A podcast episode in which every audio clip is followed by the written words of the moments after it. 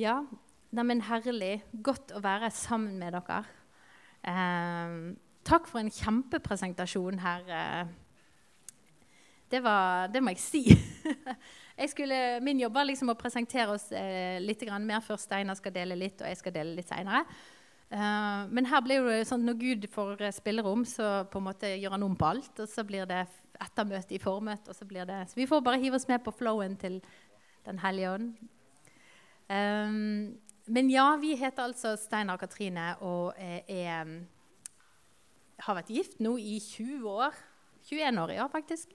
Ja, det liker vi. Jeg bare lurer på, Vår yngste sønn på ni han spør om å få mer skjermtid. Skal han få mer skjermtid?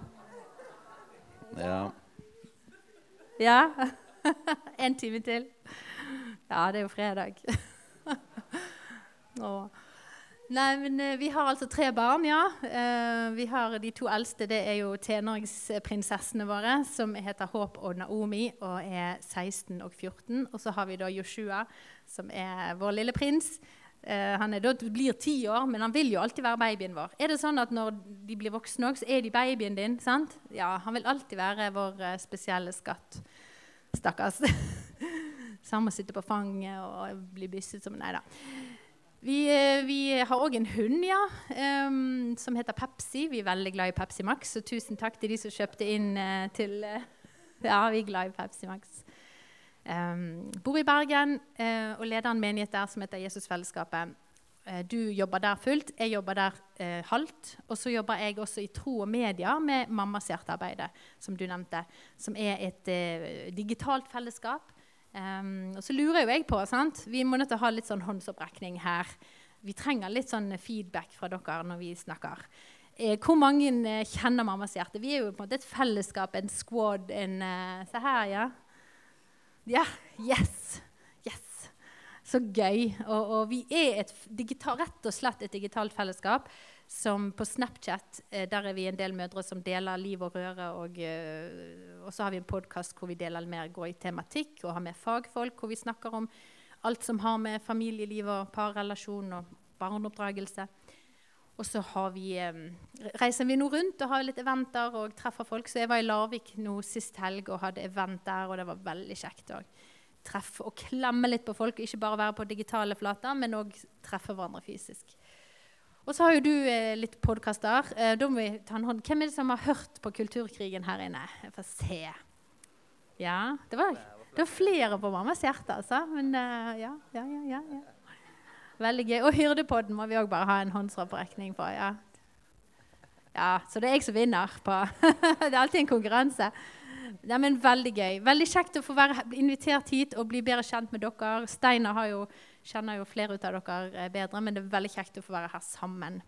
Så vi gleder oss veldig til dette. Det er jo spesielt å få lov å komme i en fase av livet hvor vi kan begynne å reise mer sammen. Og vi opplever at Gud har lagt noe på oss i fellesskap som vi rett og slett, eh, Det er en liten bit vi har fått, og den bare deler vi frimodig ut. og så eh, Ja. Så det er det vi driver med. Var det noe du savner av Det var veldig bra. ok. Vi har gått på babysvømming sammen. Vi, vi, må ha litt sånn fun fact òg før vi går for uh, dypt inn i ordet. Vi, vi, eh, skal vi se Steinar eh, ble født Altså det er fem dager imellom oss. Nå må dere være med og regne her. Det er seks dager imellom oss. Jeg er født 25.9., han er født 1.10. Men Steinar sitt hjerte har slått lengre enn mitt. Så kan dere tenke dere hva, hvem som da er eldst, og hvem Ja. Det, ja. Så, uh, så, jeg ble født litt tidlig, du var lenge inne. Og så viser det seg at det fantes bare én babysvømming i Bergen på den tiden. Og der gikk vi og, samtidig. Så vi har nok tisset i samme vann. Uh, ja. Og svømt og googlet, eller gurglet der.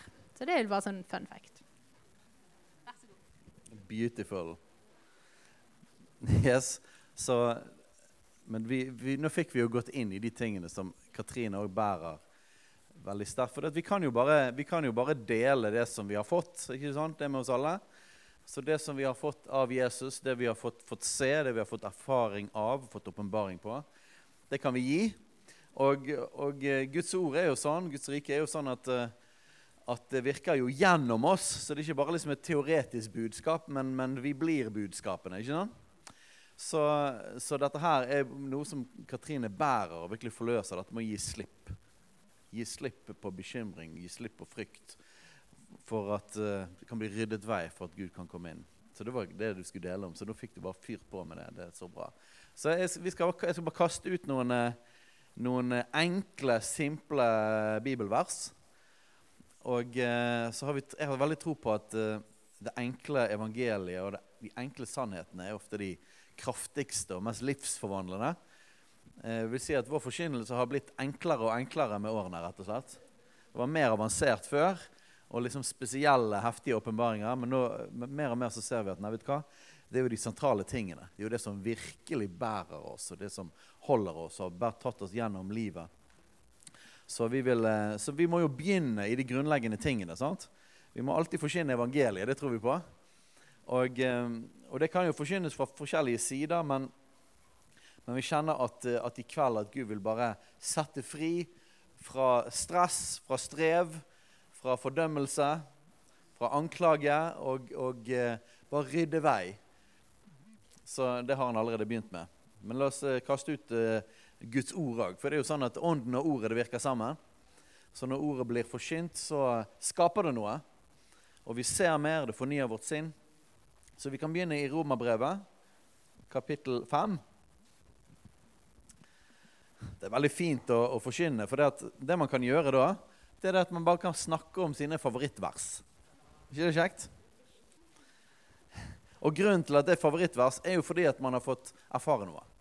Og at Gud har talt gjennom de tingene. Så jeg husker at dette her ordet i, i Romerbrevet 5, kapittel 8 det slo spesielt inn i meg for noen år siden. der eh, Før dette så, så hadde jeg eh, Jeg er nok en naturlig personlighet. En litt sånn radikal type. Det var alltid tiltrekkende for meg med liksom, liksom det ekstreme, og sånn, så jeg endte opp med å, med å bli en punker og venstreradikal eh, en liten periode der i ungdommen. Og det var jo fordi at det var liksom Det radikale, det, det dro på meg. Og det var egentlig litt kjedelig. Jeg vokste opp i en kristen familie, og jeg er så glad for den arven og det fundamentet som jeg har fått, fått av det. Men, men, eh, det ble litt kjedelig etter hvert, rett og slett. Så jeg ble liksom dratt mot de tingene der. Og så fikk jeg eh, et, et sterkt møte med Jesus eh, midt inne i den tiden der. Og jeg ble, jeg ble fylt av Den hellige ånd. Og så, så fikk jeg bli radikal for Jesus i stedet. Det var veldig fint. Eh, men, men, det var nok noe som Gud har lagt ned der. Men så er det jo spørsmål hva vei det blir kanalisert. Så, så, mens jeg ennå var ung jeg er jo, vi, er jo, vi er jo litt unge fortsatt, ikke det? Ja. Men når jeg var enda yngre, da, så, så opplevde jeg en sterk brann. Og den har aldri forsvunnet. Men den brannen gjorde det at uh, jeg ble veldig radikal og nidkjær for Guds ord og, og, og gå 100% Og det er fantastisk. Det er bra. Og i, i, Guds ord er jo veldig tydelig på det at den som søker Han, den skal finne Han. sant? Så det funker, det. Så hvis vi søker Gud, så, så kommer vi til å møte Gud. Vi kommer til å finne Han. Om vi, om vi går radikalt for Han, ja, da vil spennende ting skje. Sant? Om vi har stor tro, så vil det skje heftige ting. Eh, så alle disse tingene er sant, og det brant i hjertet mitt.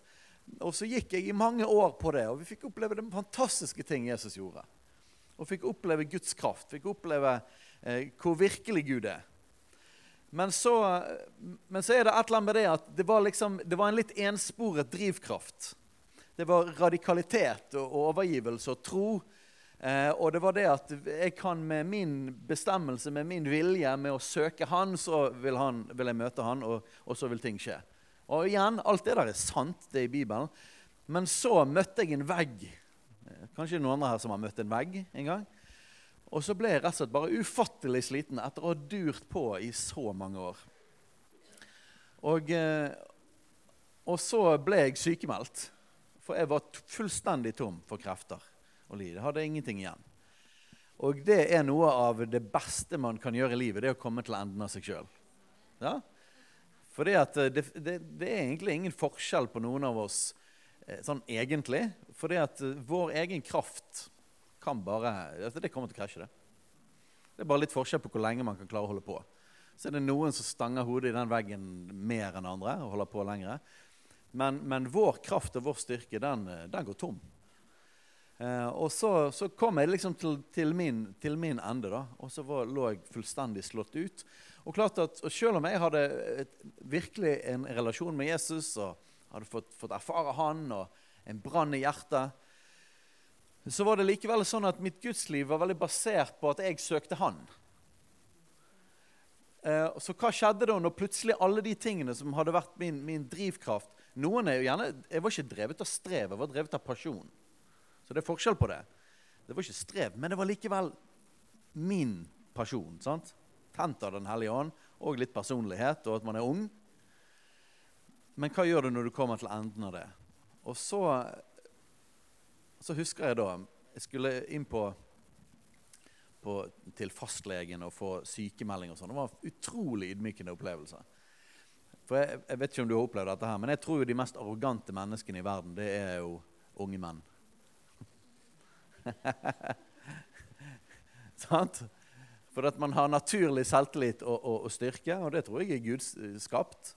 Men så, så tror jeg at den der må jo knuses. da ved Guds kjærlighet og nåde, så må vi få lov til å skjønne at vi får ikke det til. Det er ikke det evangeliet.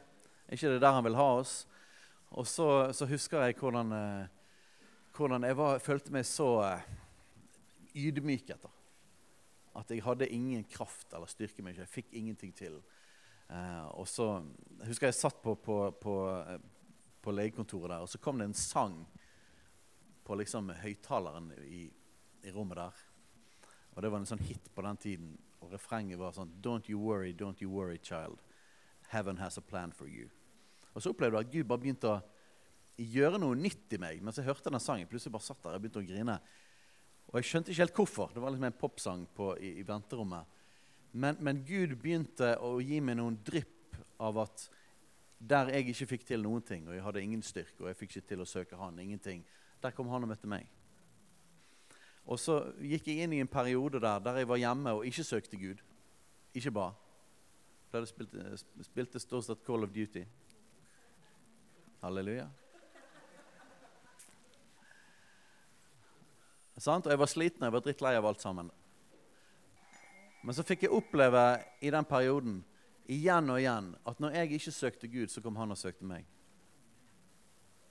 Jeg hadde opplevd at når jeg søker Han, så finner jeg Han.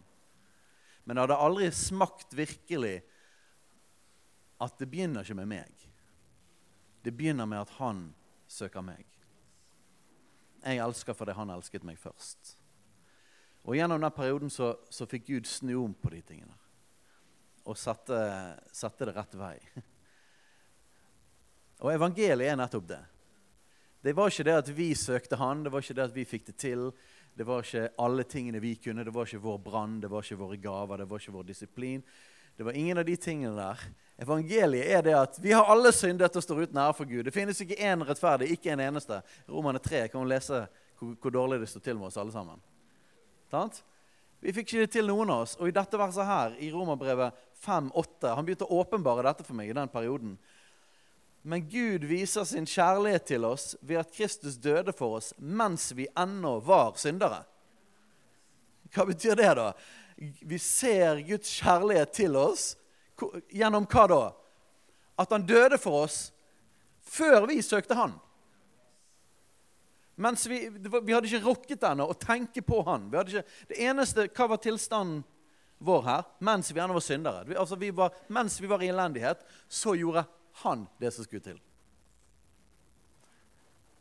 Jeg er kommet for å søke og frelse det som er fortapt, sa Jesus. Søke, oppsøke. Han er den det begynte med. ikke det oppmuntrende? Og jeg har en mistanke om at eh, hvis det var han som begynte alt dette her, så er det sånn at det fortsatt vår liv med han er basert på at det er han som fortsatt søker oss. Det betyr at mitt liv med han er ikke basert på min disiplin. For hvis evangeliet er det at han kom og fant oss Det er jo et engelsk begrep som er, at 'I found Jesus', som er jo egentlig feil. For det er han som finner oss. Sant? Så jeg tror jo på det, den frie vilje. Det betyr at jeg, jeg, kan, jeg, jeg har en viss eh, evne til å velge Gud eller ikke Gud. Men jeg tror det at, at vår frie vilje er egentlig ikke at vi velger Gud. Vår frie vilje er at vi har muligheten til å si nei når han søker oss. Og det er annerledes. ser dere det? Han er den som søker oss. Og så hvis vi vil, så kan vi forherde vårt hjerte. Så Sånn sett har vi et valg. Men vi har egentlig ikke det i oss at det er vi som tar initiativet, at vi kan søke han. Det er alltid hans initiativ. Hvem er det som kan komme til Jesus? Husker dere Jesus sa noe om det? Han sa bare de som Faderen drar. Så vi kan ikke engang komme til Jesus uten at Faderen har dratt oss. Sånn viser Gud sin kjærlighet til oss. Han elsker oss så høyt at lenge før du og jeg tenkte på Gud, lenge før vi var interessert i å søke Han, lenge før du var en god kristen, så kom han og søkte deg. Han søkte meg. ikke det fantastisk? Og tror dere det er sånn? Det hadde ikke vært gode nyheter med evangeliet hvis det var sånn at det, det var sånn det begynte, men så sa Jesus Yes, nå har jeg gjort den jobben. Fra nå av så må du gjøre det på egen hånd. Det er fantastisk å bli frelst av nåde, men resten blir strev. Sånn? Er det sånn? Ja, men jeg tror ofte så oppfører vi oss sånn. Og så går vi liksom forbi evangeliet istedenfor å leve ut fra evangeliet. Og det er egentlig det vi vil bare sette liksom tydelig her. For alt begynner med evangeliet. Ikke noe, annet, ikke noe i Guds ord kan bli forkynt uten at det er fundamentet.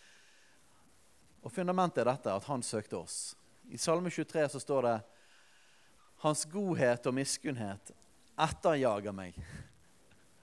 Og Det var et sånt vers som plutselig ble nytt for meg i den perioden. Fordi at det, det slo meg plutselig at Hvordan kan du bli etterjaget? Har du tenkt på det nå? Det ligger jo rett og slett i sakens natur at du må flykte for å bli etterjaget. Er det noen som har flyktet noen gang? Han er rett og slett en som løper etter oss til og med når vi løper vekk. Ikke det heftig? Ikke bare døde han for oss mens vi ennå var syndere. Ikke bare søkte han oss. Men til og med når vi løper vekk, så kommer han etter oss. Wow! Det er nåde på nåde, ikke det? Er det noen som har opplevd det? At Gud har jaget etter deg?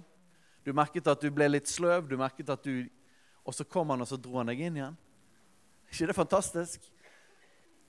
Men Gud viser sin kjærlighet til oss ved at Kristus døde for oss mens vi ennå var syndere. Wow. Jeg bare ser for meg hele menneskeheten opptatt av oss sjøl. Har oss sjøl som herre.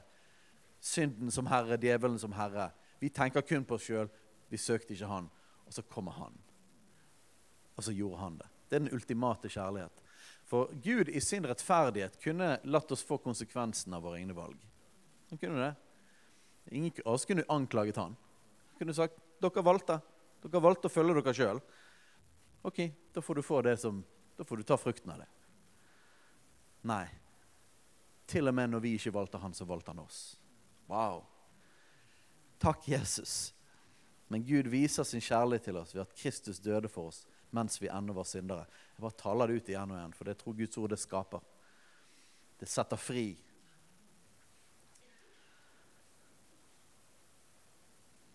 La oss ta noen andre gode vers.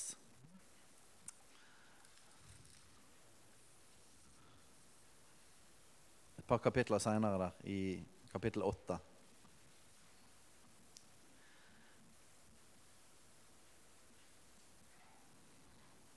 Vers 14 og videre. For så mange som drives av Guds ånd, de er Guds barn. Hva betyr det? Det betyr at testen på om du er født på ny og du er et Guds barn, det er at det fins en indre drivkraft av Den hellige ånd. Så, så, å være født på ny er ikke å være drevet av ytre krav eller ytre bud. Men når vi blir født på ny, så skjer det en hjertetransplantasjon som gjør at vi, vi er indre drevet. Jeg skal se på et av mine andre favorittvers etterpå, på, i Hebreerne 10. Men der står det om det. At Gud skrev, han skrev loven i våre hjerter. Det er en stor forskjell. Eh? Det er veldig stor forskjell på at du ikke fikk det til. Du kapitulerte for Gud og sa du, OK, Gud, her i livet mitt. At han søkte, og så ga vi opp og flykte. Og så tok han oss. Og så forandrer han oss. Så putter han sin ånd inni oss, og nå er vi drevet av Guds ånd. Det er, det er veldig annerledes enn å leve i strev.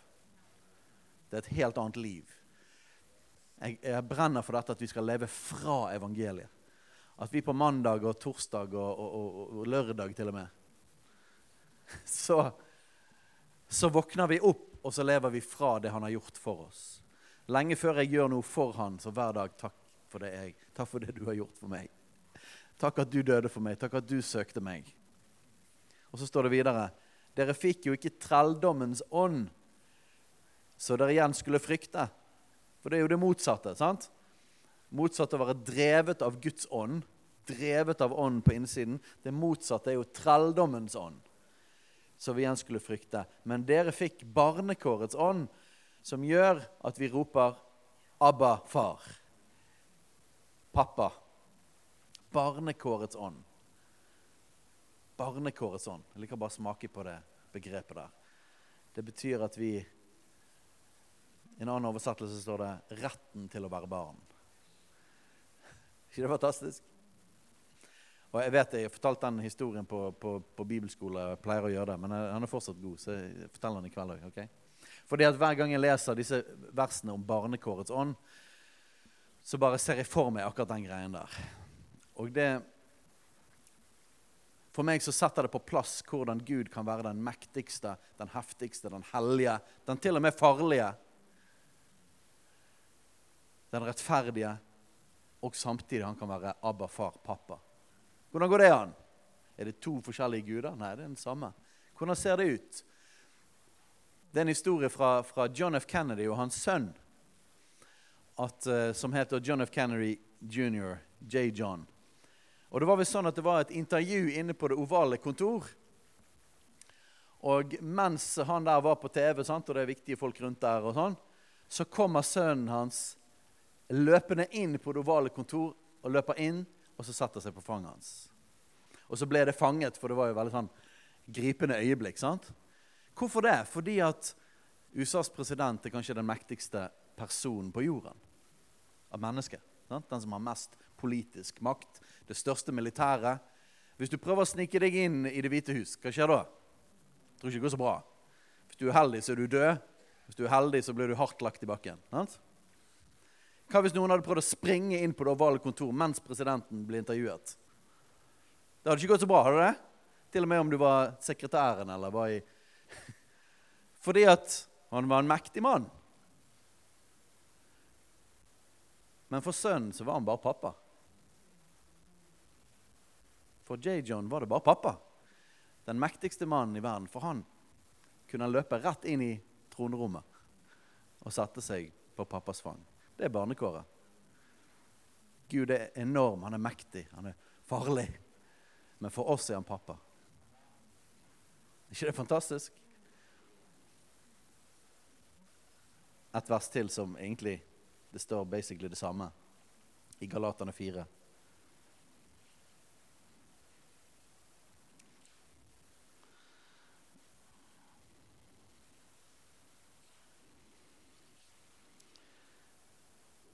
Um, kapittel 4, vers 4 og videre.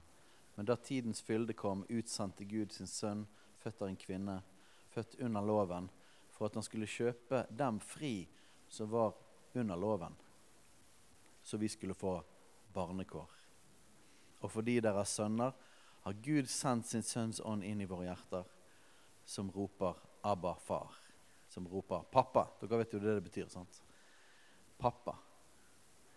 Fordi dere er sønner, fordi dere er barn, har Gud sendt sin sønns ånd inn i våre hjerter, som roper 'Abba, far'. Så å være født på ny, være en kristen, er altså ikke å leve gjennom vår styrke, gjennom at jeg fikk det til, at det var jeg som søkte Han, Nei, det var han som søkte meg. Jeg kom til enden av meg sjøl. Vi fikk det ikke til, men han gjorde det for oss. Det å leve ut fra det han har gjort. Det er jo sånn vi blir frelst. Det er jo sånn vi tar imot frelsen. Det er å innrømme at vi trenger det. Og det kristne livet det fortsetter på den måten. Det er ikke drevet av ytre krav, men vi har fått en ny ånd på innsiden som roper 'pappa'. Det er en helt annen drivkraft, en helt annen relasjon. Det er ikke vanskelig å be når det allerede ropes fra mitt hjerte. Det er det mest naturlige for en som er født på ny. Din ånd sier 'Gud, pappa'. Så er du ikke lenger trell. Vi er ikke slaver lenger, men sønn. Og er du sønn, så er du arving innsatt av Gud. Det står noen sånne heftige ting i begynnelsen av Feserbrevet. At han har velsignet oss med all åndelig velsignelse i himmelen. Det er et sånt ord som jeg ikke har fått åpenbaring på. Det er for heftig. Jeg bare vet at det er sykt bra. Det er et eller annet crazy. Vi har, vi har, fått, vi har arvet alle ting med han. Vi fortjente ikke det. Og Bibelen bruker dette begrepet adopsjon. Som betyr at vi egentlig ikke hadde krav på det, men vi ble funnet, vi ble oppsøkt, og så ble vi gitt det. Og så vi som egentlig ikke hadde noen arv, vi fikk en arv. Vi fikk alt det han eide. ikke det er fantastisk? Og Åpenbaring på de tingene vi snakker om nå, det er forskjellen på å være den bortkomne sønnen som kom hjem, eller den gjenværende som hadde alt. Var ikke det det faren sa til han? Min sønn Alt midt i ditt. Du har, du har alt tilgjengelig. Men hvis du ikke har åpenbaring på barnekåret, så kan du leve hjemme hos pappa, men likevel leve i strev. Utrolig tragisk, ikke det? Jeg har hørt noen, til og med noen som er vokst opp som kristne og har liksom Kanskje ikke opplevd en sånn radikal omvendelse, alltid trodd på Jesus. Som noen har til, til, og med sagt at man liksom, jeg kunne ønske jeg hadde liksom gjort et eller annet fælt. Sånn at de kunne ha en sterk frelsesopplevelse eller historie. Nei, det er en løgn. Det er fantastisk å, å se hvordan Gud tar mennesker fra, fra mørke til lys. Men tenk å ha fått vokst opp i pappas hus. da. Men derfor trenger vi åpenbaring på at vi lever fra det han har gjort, ikke fra det vi gjør. Så er du ikke lenger trell, men sønn. Og så står det videre i kapittel 5, vers 1.: Til frihet har Kristus frigjort oss. Stå derfor fast og la dere ikke igjen legge under trelldommens åk. Og Det er basically derfor vi alltid forkynner dette. her. Fordi at det fins en som kalles våre brødrets anklager. Har dere hørt om han? Satan, det er det det betyr. Våre brødres anklager. Han prøver jo å få oss under trelldom. For at Én ting er å stjele frelsen vår. Hvis han ikke kan stjele det, så kan han iallfall stjele at du lever i det han har betalt. Så kan du leve som Du har masse på kontoen. Du har en arv, men du vet ikke at du har den. Og da får du ingen glede av det. Og Derfor trenger vi hele tiden å forsyne evangeliet, sånn at vi kan leve ut ifra det. I hverdagen. Jeg prøver det. Mine bønner har blitt enklere og enklere. Før var det jeg ber masse i tunger. Det, jeg, det har jeg stor tro på. Men, men, eh, men istedenfor Mitt fokus før var 'den som taler i tunga, oppbygger seg sjøl'. Det er sant, ikke det? Det står jo i Bibelen. Så når jeg taler i tunga, så oppbygger jeg meg sjøl. Yes, det er bra. Men likevel så på en måte da begynner det med meg. da.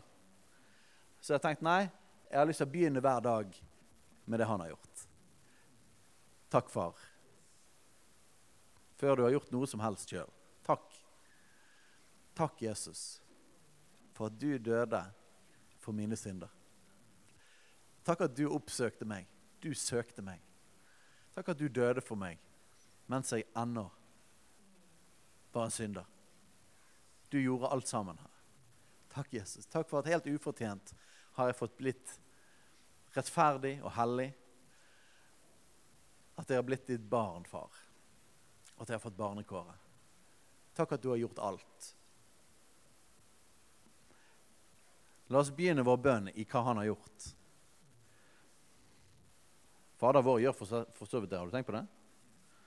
Vår far, du som er i himmelen. Bare der med en gang så begynner far. Takk at du er min far. Bare vent litt. Bare bli litt i den første der før du går videre. OK. Et par vers til.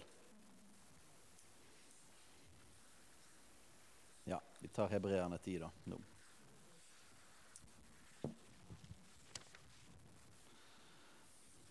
Bibelen går aldri tom. vet dere. De samme greiene. De, de, liksom, de, er bra hver gang. ikke det fantastisk? Det levende ord. Hebreerne kapittel 10, vers 12. Men Jesus har båret fram ett eneste offer for synder. Er ikke det fint? Det var bare ett. Det var ett offer og har deretter for alltid satt seg ved Guds høyre hånd. Nå venter han bare på at hans fiender skal bli lagt til skammel for hans føtter. Fantastisk. For med ett offer har han for alltid gjort den fullkomne som blir hellighet. Nå skal ikke vi gå sånn dypt inn i predestinasjon akkurat her og nå i kveld. Og hvis du lurte på hva det betydde, så ikke tenk på det. Eh, Men er det sånn at, vi, at, når vi er blitt frelst, så er vi alltid frelst? Eh, nei, vi kan, vi kan, jobbe oss ut av frelsen, men du må jobbe for det. Fordi at, eh, for det første så var ikke det vi som søkte han, det har vi allerede etablert. Det var han som søkte oss. Mens vi ennå var syndere, så døde han. Så, og vi kan ikke komme til, til, til Jesus uten Faderen drar. Sant? Det er Den hellige ånd som åpenbarer synd, Den hellige ånd som åpenbarer ordet. Det, det, troen kommer av forkynnelsen. Ser du alle disse tingene? Det er han som gjør. Så, så, det begynner med det at vi, bare, vi, mottar disse tingene. Og så kan vi forherde hjertet vårt. Men hvis vi ikke stritter imot, og vi gir slipp Jeg er veldig glad i, i dette ordet omvendelse. Jeg tror vi skal snakke, vi trenger å snakke mer om omvendelse. Mange tror at omvendelse handler om strev. Nei, nei, nei. nei, nei. Omvendelse handler om å gi opp. Det er veldig annerledes. Omvendelse handler om å si at vet du hva? Jeg, jeg slutter å kjempe imot. Jeg kapitulerer. Ferdig. Hvitt flagg. Jeg legger ned våpnene. OK, du får få hele greien. Du får få hele livet mitt og all min synd, alt sammen. Du tar det. Jeg vil ikke følge meg sjøl lenger, jeg vil følge deg. Det er omvendelse. Veldig frigjørende. Den som mister sitt liv, skal finne det. Halleluja! Det er fantastisk når han innhenter oss sånn og holder oss fast og ikke slipper tak i oss, og så gir vi opp. Er det noen som har opplevd det? Når du, kanskje når du ble frelst, så kalte han på deg og dro på deg. Kanskje det var noen som ba for deg. jeg, ber, jeg ber ofte denne bønnen at Gud, ikke slipp tak i dem. Kall på dem, dra på den personen dag og natt. La dem ikke få fred. Det er Guds godhet sant, som driver til omvendelse. Han kaller på oss. Så det begynner jo med at, at han, eh, han, søker oss, og så fortsetter det jo med det. da, At han drar oss til seg. Og så er mitt liv med han det at jeg blir drevet av Ånden, og det er det at jeg, jeg, gir respons på den kjærligheten som han har gitt. Jeg elsker for det han elsket meg først. Og det er kontinuerlig. Derfor trenger jeg å ta imot hans kjærlighet og nå det hver eneste dag. Og når jeg tar imot det han har gjort hver eneste dag, så, så blir det levende hver eneste dag òg. Jeg kan være nyfrelst hver dag. Sant? Det trenger ikke bli gammelt. Nei, det er like levende det Jesus har gjort hver eneste dag. Og så er det sånn at Hvis jeg fortsatt kontinuerlig holder meg i det og ikke forherder mitt hjerte Hvis jeg kontinuerlig blir i det, så kommer jeg til å være frelst for alltid. Woohoo! Men det er mulig selvfølgelig på den veien òg å begynne å stritte imot at Gud drar oss. Men han kommer til å fortsette. Han er utrolig tålmodig. Det er utrolig hvor langt ut vi kan gå. Han, han, kommer ikke til å slippe oss. altså. Og så kanskje på et visst tidspunkt OK, du skal få lov til å gå. Så det er ikke så veldig lett å falle fra. Men det går an. Så han har for alltid gjort dem fullkomne som blir hellighet. For alltid, da, med mindre vi jobber oss ut av det. Men det betyr at så lenge du holder deg i ham, så lenge du blir i han, og du ikke stritter imot hans kall og at han drar på deg, så vil du være kontinuerlig fullkommen. Woohoo! Er ikke det et heftig ord? Jeg prøvde å si det i Polen, og det var litt vanskelig. For de har ikke hatt reformasjonen. Fordi at det var vanskelig for dem å, å, komme ut av, av, det tankesettet. At Bibelen faktisk sier det at vi er fullkomne. Hva er å være fullkommen på godt norsk? Perfekt! Woohoo! Det betyr at jeg og du er perfekt. Og det som kommer opp hver gang man sier det, det er bare at ja, men, ja, men jeg har sånn og sånn og sånn. Sant? Og så vet vi at vi er ikke perfekt i oss sjøl. Du vet det, du òg? Men handler dette om at vi er perfekte i oss sjøl? Var, var, det det vi holder på med her? Nei, det handler om at Jesus har gjort oss fullkommen gjennom sin død og sin oppstandelse. Vi kan jo dette her. Så hvorfor stritte imot? For at når du har tatt imot det, så er du perfekt. Fullkommen. Det er helt umulig for deg å ha relasjon med Gud uten å være perfekt. Helt umulig å komme til himmelen uten å være perfekt. For ikke et fnugg av synd vil funke. Så vi må være 100% fullkommen. Og dere, dere, vet jo det, sant? at det var ingen brev i Bibelen som ble skrevet til synderne i Roma og synderne i Korint. Har dere lest Korinterbrevet? Det var ikke sånn at de var perfekte i seg sjøl. Men Paulus kalte de de hellige i Korint. Er ikke det interessant? Så han har for alltid gjort oss perfekt, vi som blir hellige. Så vi blir helliget hvis vi ikke stritter imot. Hvis vi tar imot og sier ja, så helliger han oss. Og så lenge han har helliget oss, så er vi helliget. Og det er for alltid. Det er kontinuerlig. Det er til og med om vi snubler. Og det kommer vi til å gjøre. Og hva gjør vi om vi faller og snubler? Bibelen har svar på det. 1. Johannes 1,9. Er det noen som kan det? Dersom vi bekjenner våre synder, så er han trofast og rettferdig. Han renser oss sant? for all synd, for all urett. Så det betyr at når vi kontinuerlig lever med Han, så er vi hellige. Vi er fullkomne. Vi er Guds barn. Vi er rettferdige. Og til og med om vi snubler, nei, men da vil Den hellige ånd peke på det med en gang.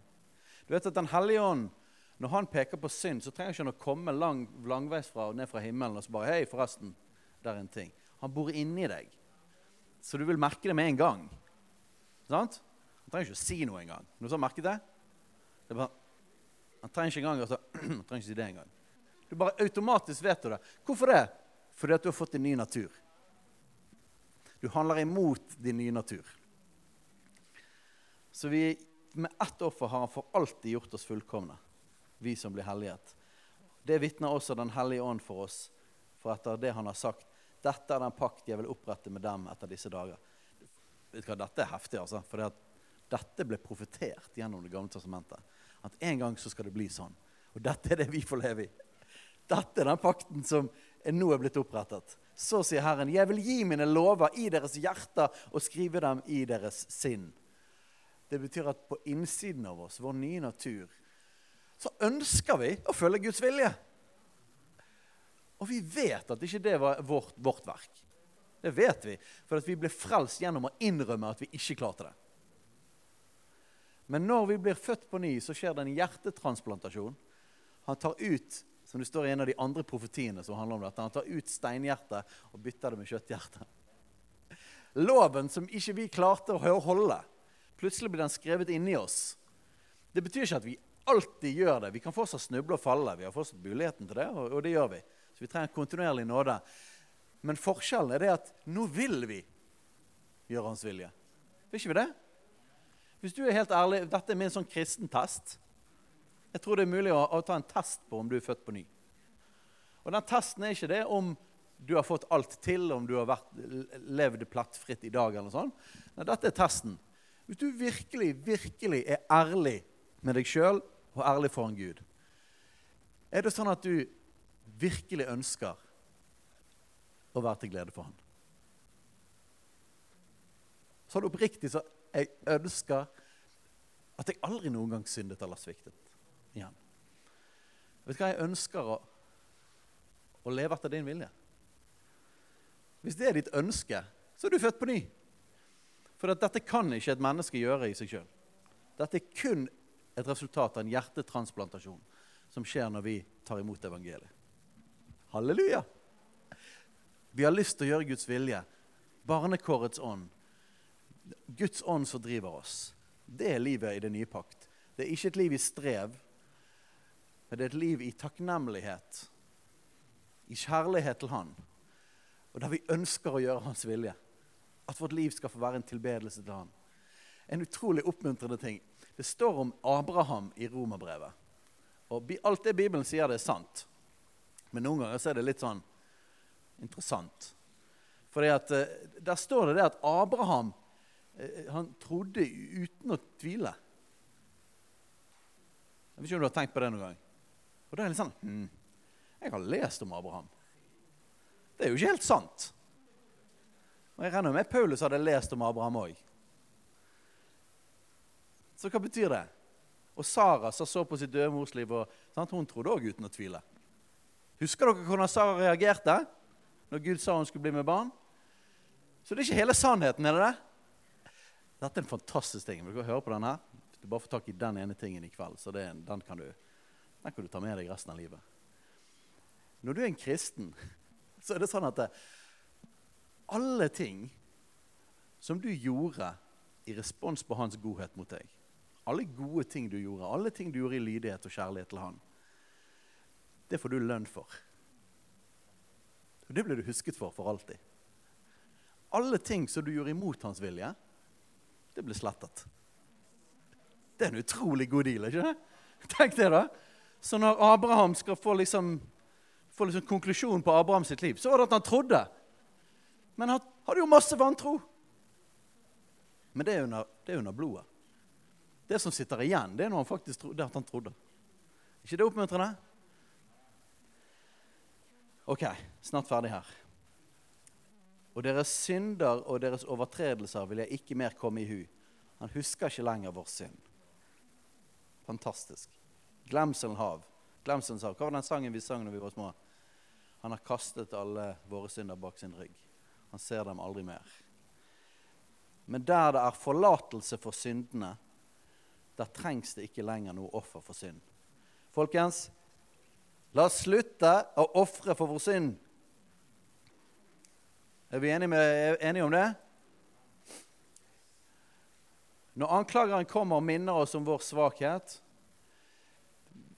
stedet, Hvis du ikke har gått til Jesus, du har gått til Jesus med det, så er det borte. Hvis, hvis det fortsatt gnager der og sånne ting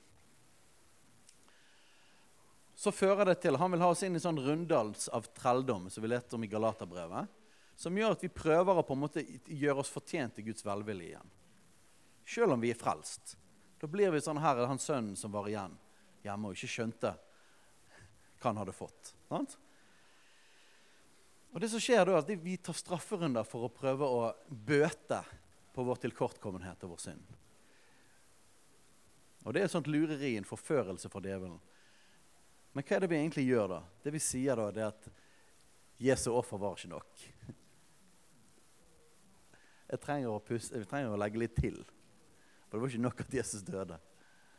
Jeg må, jeg må vise Gud ekstra at jeg, jeg går noen strafferunder. Kan vi slutte med det? Det gir ikke ære til Gud.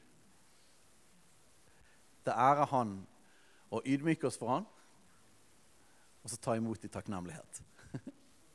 Hver gang du ser hvor ufortjent det er, istedenfor å gå inn i skam, snu det gjennom evangeliet til takknemlighet. Takknemlighet og ydmykhet det er veldig lov i Guds rike. Så alt, alt jeg ikke har fått til Takk, Jesus, for din enorme nåde og godhet. Snu det til takknemlighet. Den som er tilgitt lite, elsker lite. Var ikke det Jesus sa? Så den som ser at man har fått stor nåde, den vil elske mye. Fordi at vi elsker fordi han elsket oss først. Så det å se din svakhet, hvis det er Den hellige ånd, så vil han dra oss til evangeliet, og det gjør oss takknemlige. Når det er anklageren, så drar det oss inn i elendighet, og vi går den runden av skam, og vi prøver å ofre for vår synd. Men det gir ikke ære til far. Det gir ære til far å si det akkurat som det er, og takke for det han har gjort. Det trengs ikke lenger noe for synd. Brødre og søstre, her er konklusjonen.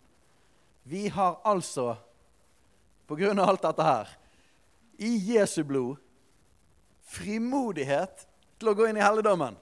Det er det konklusjonen blir. Det er det det fører til. Det fører til en livsstil av frimodighet foran tronen. Det er barnekårets ånd. Frimodighet foran tronen alt vi trenger, alt vi har, alt godt som vil komme ut av vårt liv, vil komme som en frukt av Hans ånd og Hans nærvær. Det han har gjort i våre liv. Så Derfor trenger vi å komme inn til tronen så fort som mulig. Ikke vi det? Sånn at han kan fortsette å jobbe med våre hjerter. Sånn at vi kan bære frukt. Vi har frimodighet til å gå inn i helligdommen. Til den har han innviet for oss en ny og levende vei gjennom forhenget, Det er hans jød. Når Jesus ropte 'Det er fullbrakt', og forhenget revnet fra øverst til nederst, ble det åpent inn, så vi kan gå inn med frimodighet. Akkurat sånn som John F. Kennedy sin sønn løpte inn og satte seg på fanget. Frimodighet foran tronen. Djevelen liker ikke dette i det hele tatt. Akkurat det vi snakker om nå. For Han prøver å holde oss under Guds nærhet, men alt kommer ut av Guds nærvær. Alt kommer ut av intimiteten med Gud. Alt kommer ut av den relasjonen. Alt i Guds rike. Alt godt i vårt liv. Så hvis fienden kan hindre oss fra det ved at vi ikke lever ut fra evangeliet, så blir vi fruktløse. Sant? For vi klarer ikke å skape frukt i oss sjøl. Derfor er det så viktig at vi får leve ut fra evangeliet og gå frimodig inn i helligdommen. Og vi har en stor prest over Guds hus, siste vers. Så la oss da tre fram med samferdig hjerte i troens fulle visshet, med hjertet renset fra noen samvittighet, og med legeme badet i rent vann. Med hjertet renset fra en ond samvittighet. Det er helt unødvendig å gå med dårlig samvittighet når du er, når du er et Guds barn. Helt unødvendig. Sant? For vi går til Jesus med en gang. Den hellige ånd peker på når det er noe. Vi bøyer oss for han igjen. Ydmyker oss for han. Tar imot den nåden som vi lever i kontinuerlig.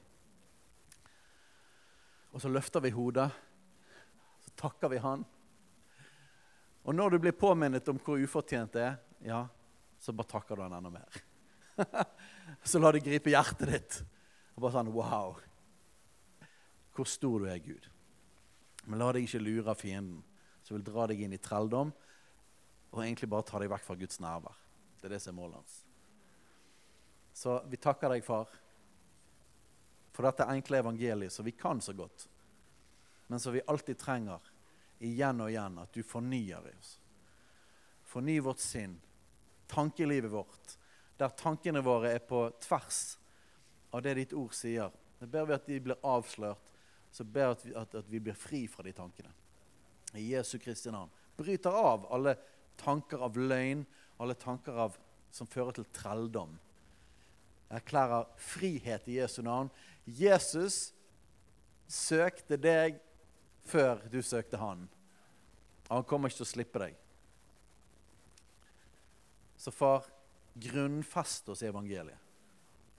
Grunnfest oss. La oss leve ut fra det hver eneste dag. Takk, Jesus. Vil du, vil du legge noe til, Katrine? Kanskje vi bare kan, vi kan godt reise oss opp?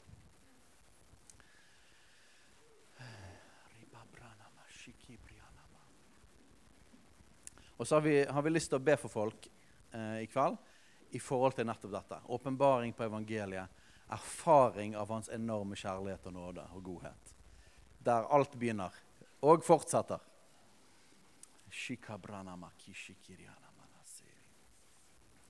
Far, vi ber om det her. Vi ber, ber om et økt nærvær av deg i våre liv.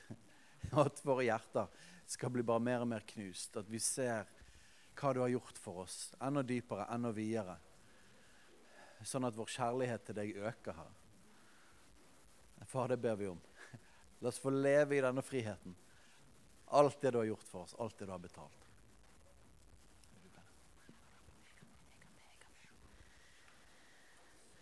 Ja, takk, himmelske Far. Vi tar imot. Jeg ble minnet om dette med eh, Ja. Mm. Nei, at eh, kanskje det er noen her som, som kjenner seg så tynget og så det er, alvor, det er, alvorlig å være forelder. Det, det er det. Det er, en, det er, en, stor oppgave, og det er et stort ansvar.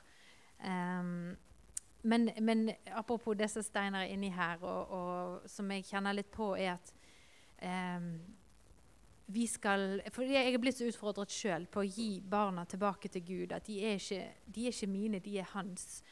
Og at vi kan bli så tynget av å prøve å få eh, de, deres liv til å altså det, type, For det viktigste for oss er jo at de skal få lære å kjenne Gud. Eh, jeg vil jo tro det er, det er, hjertene våre som er foreldre. Det er å la de få lære å kjenne Gud. Vokse opp i nærhet til Gud.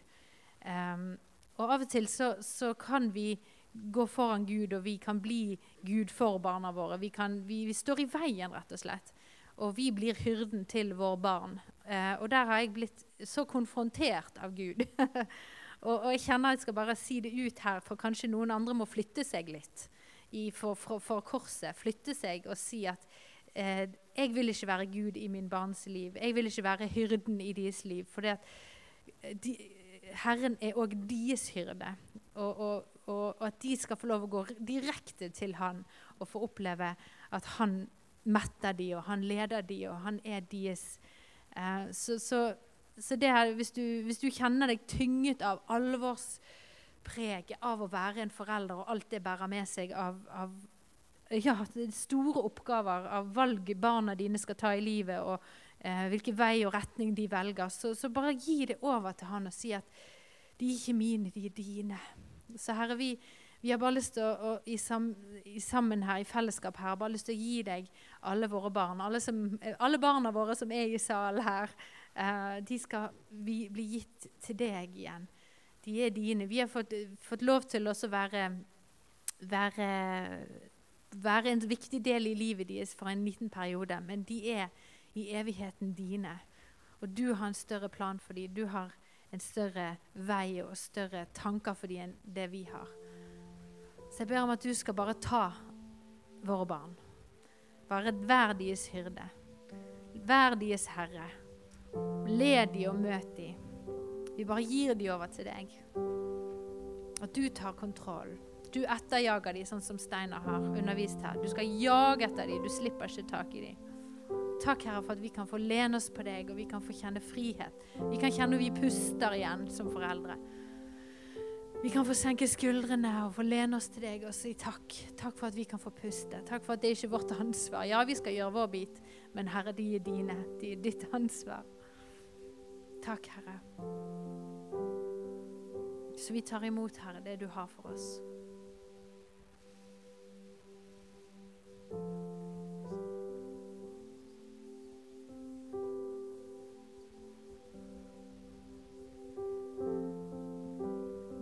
Nå får jeg sånn her eh, beskjeder på øret her. Kan du det, er bra, det er bra. Vi jobber som et team, som en enhet. Så Den hellige ånd forteller deg hva jeg skal be om. Det er bra. Nei, men um,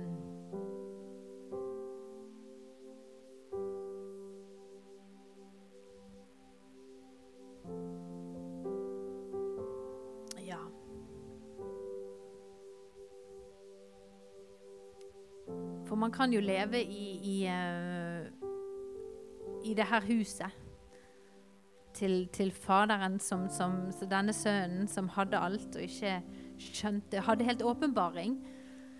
Jeg sjøl levde sånn i mange år og, og oppvokst pastordatter og fått det inn med morsmelken, alt man skal vite og gjøre, og var en veldig flott uh, tenåringsungdom um, som gjorde alt de riktige kristen, kristelige tingene.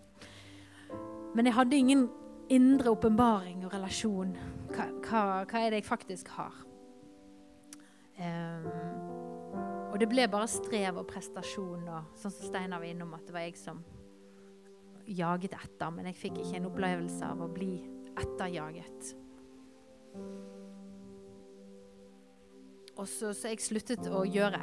Sluttet med alt. Det var jo litt det samme som du. Men jeg uh, hadde jo bygget min identitet jeg, på alt det fine jeg kunne gjøre, og flotte og tjeneste. Og, så jeg fikk både en troskrise og identitetskrise. Og sto på bar bakke i noen år der og ikke visste helt om jeg kjente Gud eller meg sjøl eller noen rundt meg. Og det var ubehagelig å være i de der vante settingene hvor jeg visste hva som var riktig å gjøre, men det var vanskelig å være der og være ekte. Uh, så jeg satte meg bare ned, sånn inni meg, med korset.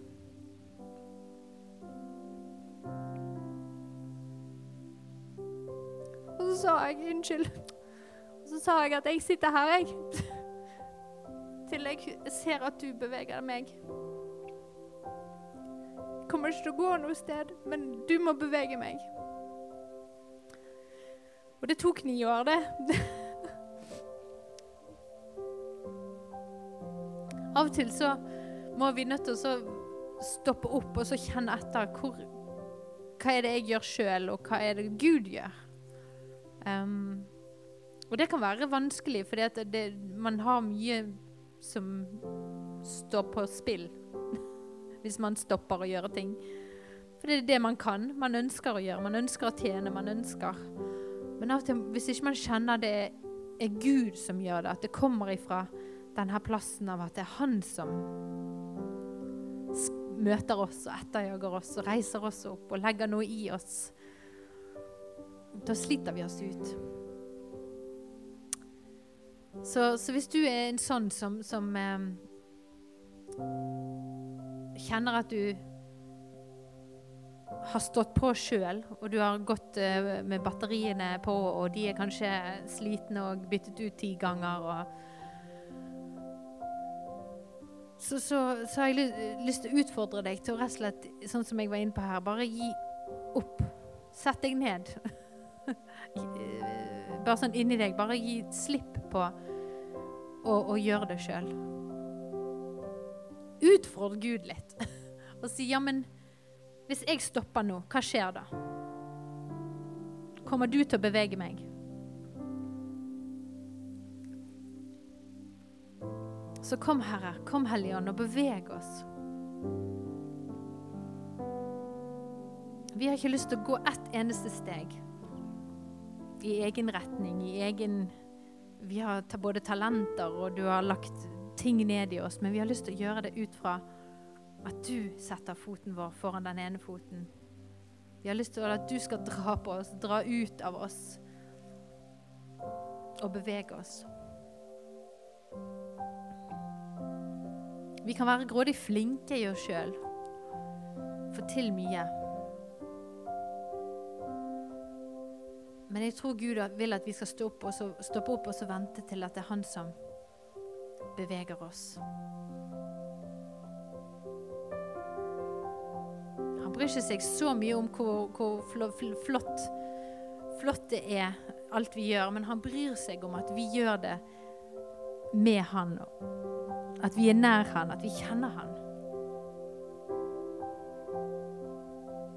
Så kom, Hellige Ånd, beveg oss. Det eneste vi vil, er å gjøre være med deg, være nær deg, være hos deg. Og så kan alt andre komme ut fra den plassen.